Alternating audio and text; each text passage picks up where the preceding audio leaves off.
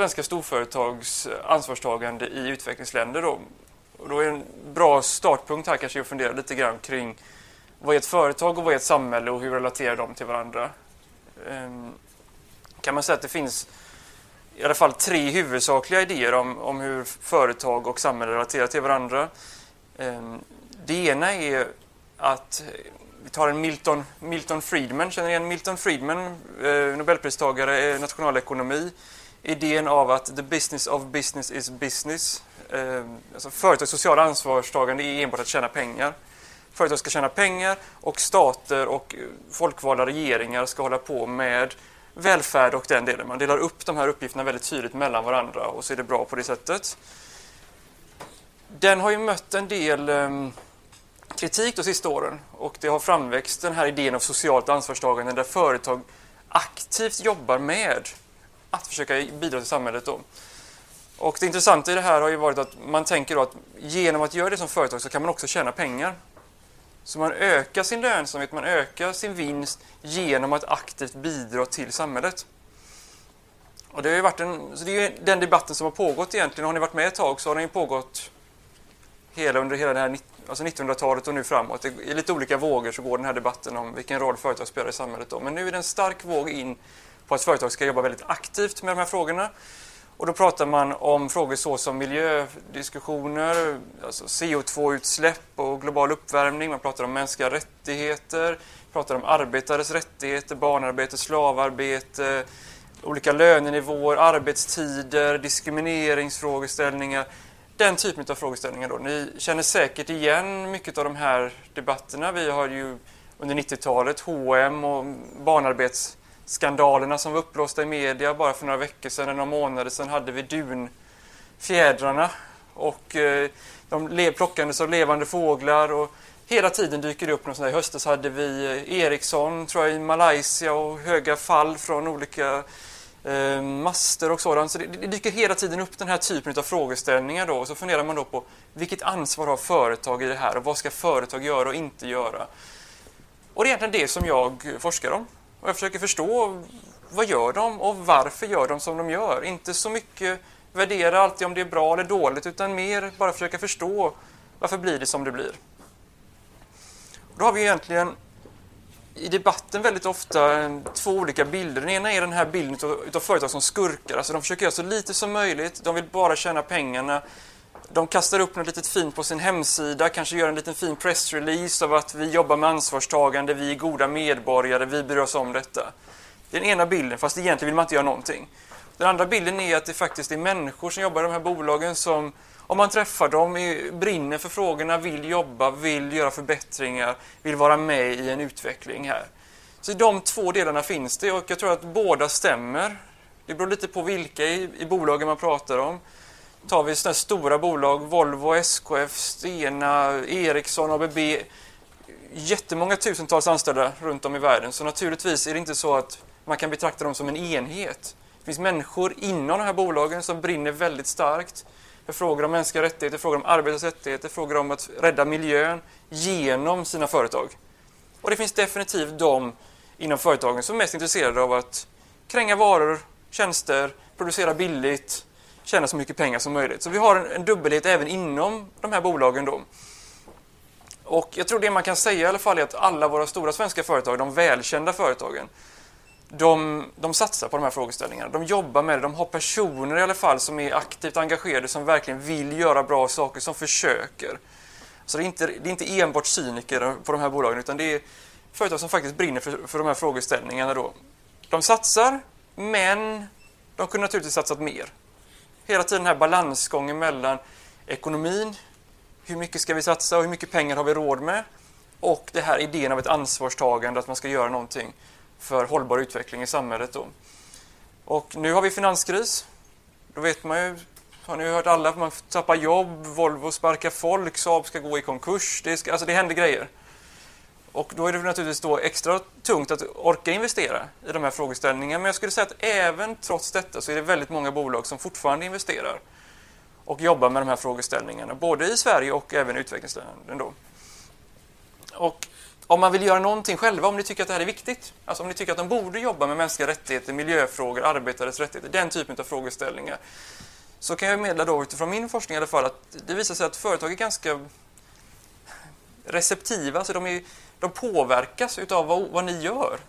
Om, om ni som kunder börjar ställa frågor, om ni som anställda börjar fråga internt, ni kanske jobbar i någon av de här bolagen, har jobbat i någon av bolagen, man köper en produkt, man kanske går på en bolagsstämma, ställer en fråga.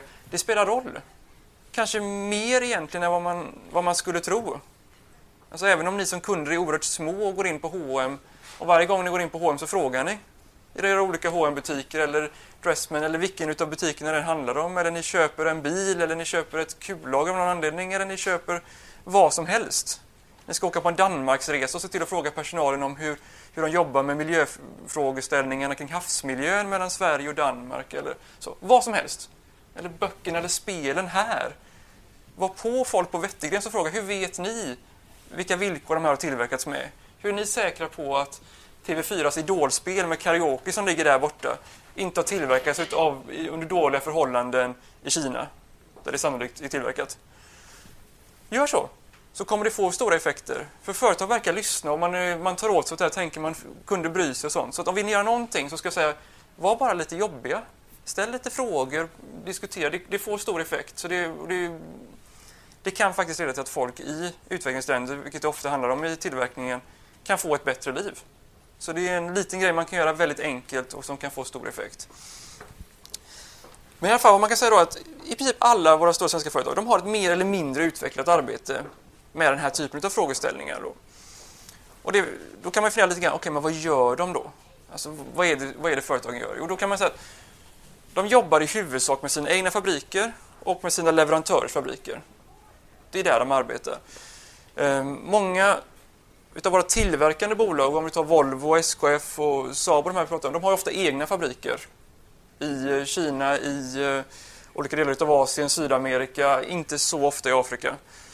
Eh, men framförallt har ju i princip alla bolag leverantörer i de här delarna av världen. Och då jobbar man med dem. Och man gör det genom att försöka införa frivilliga åtaganden, alltså olika policies som man har. Man har kontrollstrukturer, man åker alltså och tittar i fabrikerna, man åker och tittar hos sina leverantörer och försöker titta då på vad gör de, följer de de här reglerna? Man skriver kontrakt med leverantören att de ska följa. Man jobbar med ah, uppföljningsplaner, man jobbar med förbättringsåtgärder. Ehm, jag minns jag inte exakta siffrorna här, men jag tror om det är IKEA som har en 60 personer heltidsanställda i Kina som jobbar enbart med uppföljning av socialt ansvarstagande hos sina leverantörer. H&M tror jag ett 40-tal som enbart jobbar med det här på heltid. Plus, och bara i Kina då, så har de andra delar av världen och andra folk. Så det finns mycket människor som jobbar med de här frågorna i de här bolagen. Um, och jag tror det vi kan, det vi kan se av resultatet av det här är att vi, vi ser förbättringar framförallt i synlig arbetsmiljö. Saker som att inte nödutgångar längre är blockerade. Det är väldigt viktigt i termer av kommer bränder och sådant, att de faktiskt kan komma ut. Det finns skyddsutrustning. Ett antal sådana saker som man kan se och ta på. Där har man kommit väldigt långt. Det är rätt lätt att upptäcka när du gör en kontroll att det där inte funkar och man kan rätta till det. Man har kommit en bit på väg men inte så långt som man kanske hade hoppats i termer av lönenivåer, arbetstider, diskriminering av kvinnor, ett antal sådana viktiga frågeställningar också. Och det, anledningen till att man inte kommer så långt där är att det är väldigt svårt att jobba med de här frågorna. Det är svårt att hitta felen. Leverantörerna försöker lura ofta företagen. De säger att allting ser bra ut och så är det något annat. De har dubbel bokföring där de har vissa siffror som de visar när det kommer en kontrollant och så har de andra siffror som är annorlunda. De har till och med datasystem sedan några år tillbaka där man, där man gör både och.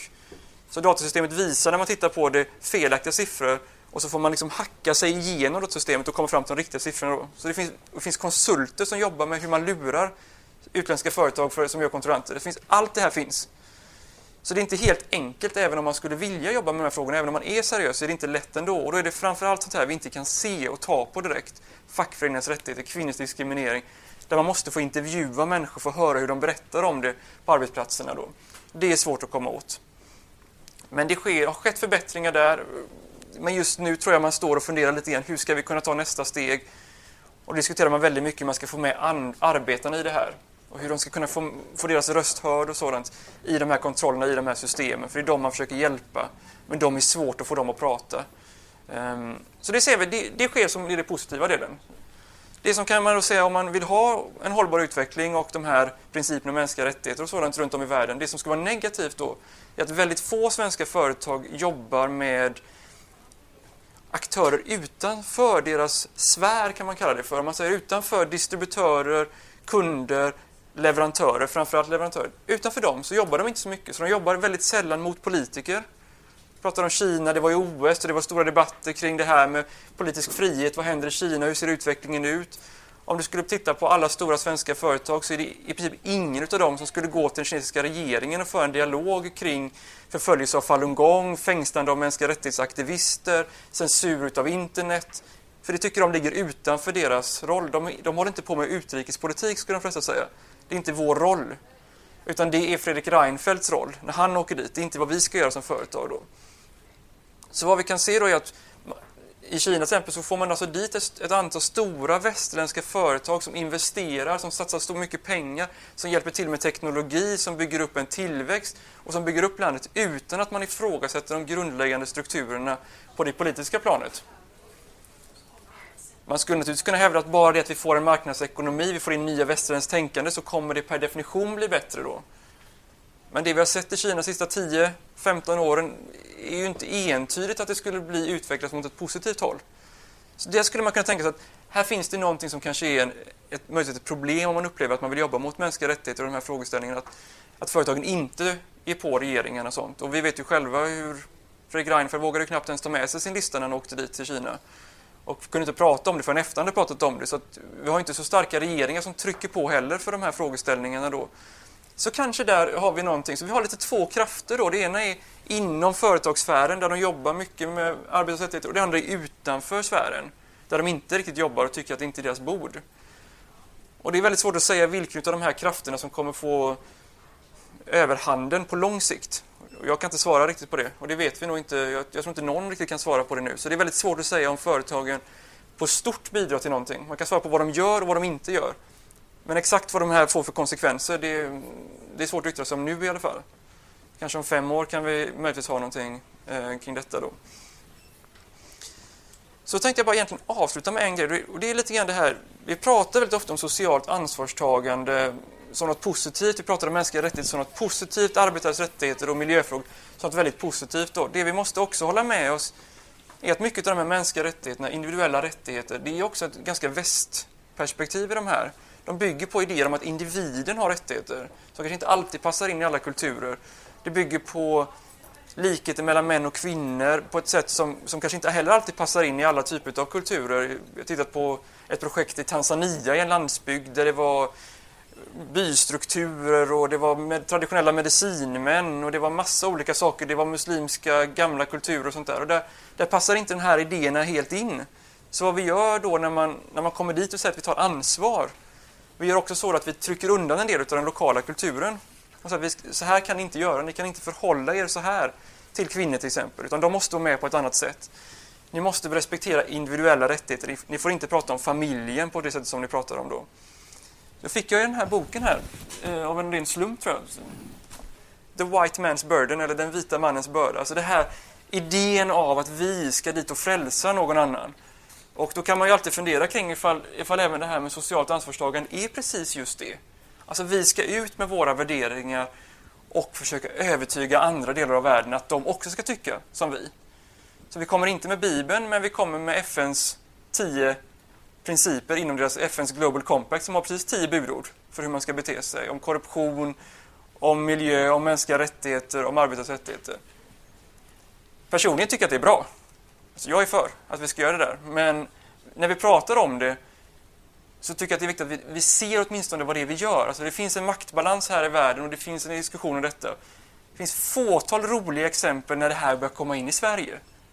Vad händer om 10, 15, 20 år när kineserna är de starka och börjar köpa upp våra bolag och börjar få in deras kultur här och deras idéer om vad ansvarstagande är och deras idéer om vad det rätta är.